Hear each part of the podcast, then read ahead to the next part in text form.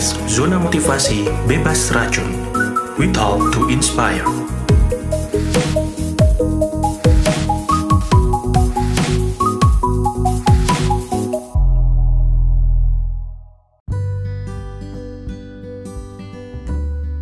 Hai, assalamualaikum. Kita balik lagi zona motivasi bebas racun. Ah, hashtag stay at home.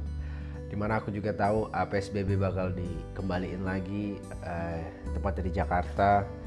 Dan semoga ah, PSBB kali ini ah, berdampak lebih baik ah, dan cepat daripada sebelumnya.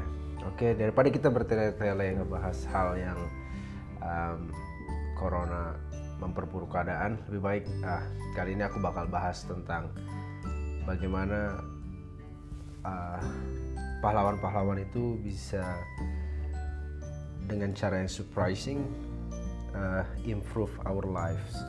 Dan ini aku dapat dari ah, Scott Allison PhD dia ada psikolog dari Psychology Today. Tu- tulisannya dia ini aku ambil dari ah, tahun 2014 Oke, aku langsung mulai aja. Aku akan bagiin 5 lima, eh, lima cara yang mengejutkan eh, dari seorang hero memperbaiki hidup kita, mengimprove hidup kita. Kita semua tahu bahwa pahlawan itu memang menginspirasi, tetapi penelitian dari dokter eh, sorry dari Scott Ellison PhD ini dokter sebenarnya eh, tentang pahlawan juga mengungkapkan beberapa bukti secara tidak langsung bahwa mereka meningkatkan kehidupan dan dari eh, dari peningkatan-peningkatan itu ada manfaat psikologis yang benar-benar bisa dibilang mengejutkan. Yang pertama, pahlawan menghasilkan emosi yang disebut dengan elevation atau elevasi. Penelitian terbaru menunjukkan bahwa pahlawan dan tindakan heroik dapat membangkitkan respons emosional yang unik yang disebut oleh Jonathan Haidt di New York Uni- University disebut dengan elevasi. Haidt eh, meminjam istilah elevasi ini dari Thomas Jefferson yang menggunakan frase elevasi moral untuk menggambarkan perasaan euforia yang didapat seseorang ketika membaca eh, sebuah literatur yang hebat. Saat orang mengalami elevasi, mereka merasakan campuran kekaguman, rasa hormat, dan kekaguman atas tindakan yang indah secara moral. Emosi digambarkan mirip dengan ketenangan, kehangatan, dan cinta. Haidt juga berpendapat bahwa elevasi ditimbulkan oleh tindakan kebajikan atau keindahan moral. Itu menyebabkan perasaan hangat dan terbuka di dalam dada. Yang kedua, pahlawan menyembuhkan luka psikis kita. Maksudnya puluhan ribu tahun yang lalu, ketika manusia pertama kali menjinakkan api, anggota suku berkumpul di sekitar api di penghujung hari untuk mendapatkan kehangatan dan juga perlindungan. Tapi tindakan berkumpul di sekitar api itu nggak cuma sampai berkumpul aja, dan itu uh, membuat menginfluence uh, mempengaruhi aktivitas baru, uh, yaitu disebut dengan mendongeng. Kisah pertama yang diceritakan tidak dilakukan lagi adalah kisah seorang pahlawan atau aksi-aksi heroik, dan kisah-kisah ini adalah obat penawar dari luka psikologis uh, seseorang mungkin di hari itu atau di hari-hari sebelumnya atau bahkan di uh, tahun-tahun beri- sebelumnya. Kisah-kisah pahlawan menenangkan ketakutan orang-orang, membangkitkan semangat mereka, memelihara harapan mereka, dan memupuk nilai-nilai penting dari sebuah kekuatan dan sebuah ketahanan hidup.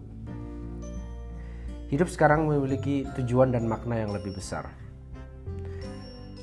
Dan tidak diragukan lagi bahwa manusia saat ini tidak berbeda dengan nenek moyang kita karena pada akhirnya kita tertarik pada cerita pahlawan yang bagus karena itu menghibur dan menyembuhkan kita. Yang ketiga, pahlawan memelihara hubungan kita dengan orang lain. Mendongeng adalah aktivitas membangun komunitas. Bagi manusia purba, tindakan berkumpul di sekitar api dan kemudian mendengar cerita menjalin hubungan itu disebut dengan social uh, activity dengan orang lain, aktivitas sosial dengan orang lain. Rasa kekeluargaan, kelompok atau komunitas inilah yang menjadi penting bagi kesejahteraan emosional manusia.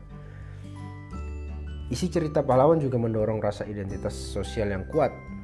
Jika pahlawan itu seseorang yang efektif, dia melakukan tindakan yang menunjukkan dan menegaskan nilai-nilai dari komunitas itu dari komunitas yang uh, maksudnya nilai-nilai yang paling dihargai di komunitas itu dan secara uh, validnya dengan pandangan yang kita bagi bersama yang diceritakan juga dengan jelas dalam dongeng um, itu adalah memperkuat ikatan sosial dongeng pahlawan itu adalah memperkuat ikatan sosial Intinya pahlawan adalah panutan yang melakukan perilaku yang memperkuat nilai dan hubungan kita yang paling berharga dengan orang lain.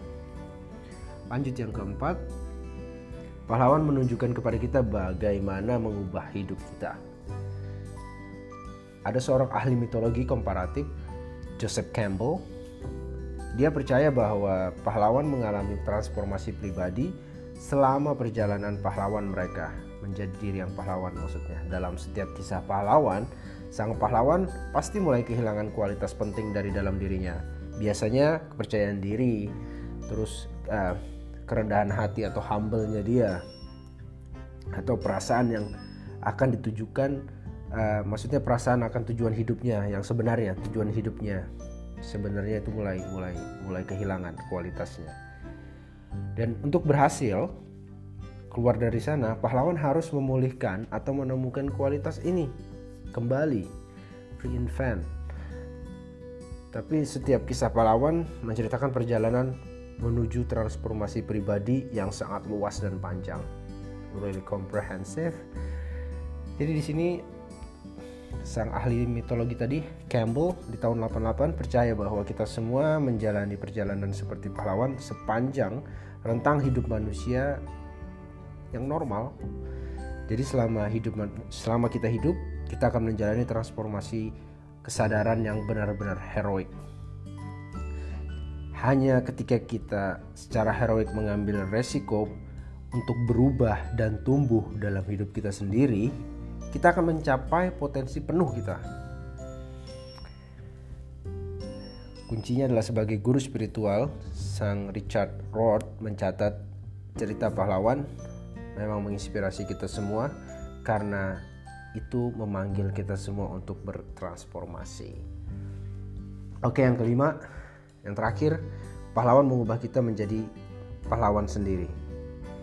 Atau uh, maksudnya di sini adalah heroes turn us into heroes ourselves. Jadi kita memang jadi jadi pahlawan dari diri kita sendiri. Oke, langsung aja maksudnya adalah pahlawan yang baik menggunakan kekuatan transformasi tidak hanya untuk mengubah diri mereka sendiri menjadi lebih baik, tetapi juga untuk mengubah dunia. Dalam perjalanan pahlawan klasik, pahlawan yang baru ditransformasikan pada akhirnya mengubah masyarakat dengan cara yang signifikan dan positif. Tahapan psikologi, tahapan psikolog yang dibahas oleh Eric Erikson dalam perkembangan manusia menunjukkan lintasan perjalanan pahlawan yang serupa bagi kita semua itu memang adalah uh, mirip. Jadi maksudnya semua perjalanan uh, mencari heroes dalam diri kita sendiri itu semua sama. Orang dewasa tumbuh dengan cara yang signifikan dan kemudian di parubaya mencapai tahap generativitas yang di sini didefinisikan oleh Erikson tadi sebagai waktu ketika orang give it back to the community. Oke, okay? dia memberi kembali kepada masyarakat yang telah memberi mereka begitu banyak. Emosi dari elevasi yang menghangatkan dan uh, mengelevate kita juga yang mengangkat kita juga gitu. Termasuk keinginan untuk menjadi orang yang lebih baik. Dan menurut Jonathan Haidt, elevasi, elevasi, elevasi ini memotivasi orang untuk berperilaku lebih baik. Itu kuncinya dan elevasi yang kita rasakan saat menyaksikan tindakan heroik mengubah kita menjadi percaya bahwa kita sendiri juga mampu melakukan tindakan yang heroik. Aku kasih kesimpulannya, um, orang membutuhkan pahlawan, karena pahlawan menyelamatkan atau meningkatkan kehidupan dan juga pahlawan itu memberi inspirasi. Tapi kita juga membutuhkan pahlawan untuk alasan mengejutkan yang memberi manfaat langsung dari aksi heroik. Pahlawan mengelevasi kita secara emosional, mereka menyembuhkan penyakit psikologis kita, mereka membangun hubungan antar manusia, mereka mendorong kita untuk mengubah diri kita menjadi lebih baik, dan mereka memanggil kita semua untuk menjadi pahlawan dan membantu orang lain. Jadi, kita telah melihat bagaimana pahlawan meningkatkan heroes tadi ya. Heroes meningkatkan emosi dan perilaku kita juga. Guru spiritual berpendapat bahwa cerita-cerita heroes ini juga mengangkat kita secara spiritual. Tampaknya tidak ada habisnya kalau cara-cara heroes ini meningkatkan kita secara individu, um, interpersonal dan sosial. Ya, oke. Okay mungkin sampai di sini aja buat episode kali ini. Uh, terima kasih buat yang udah dengerin. Di minggu ini nanti ada kak kak Kiki yang bakal ceritain tentang overcome uh, overwork di situasi pandemi seperti ini. Uh, oke okay, kita ketemu di minggu berikutnya. Bye bye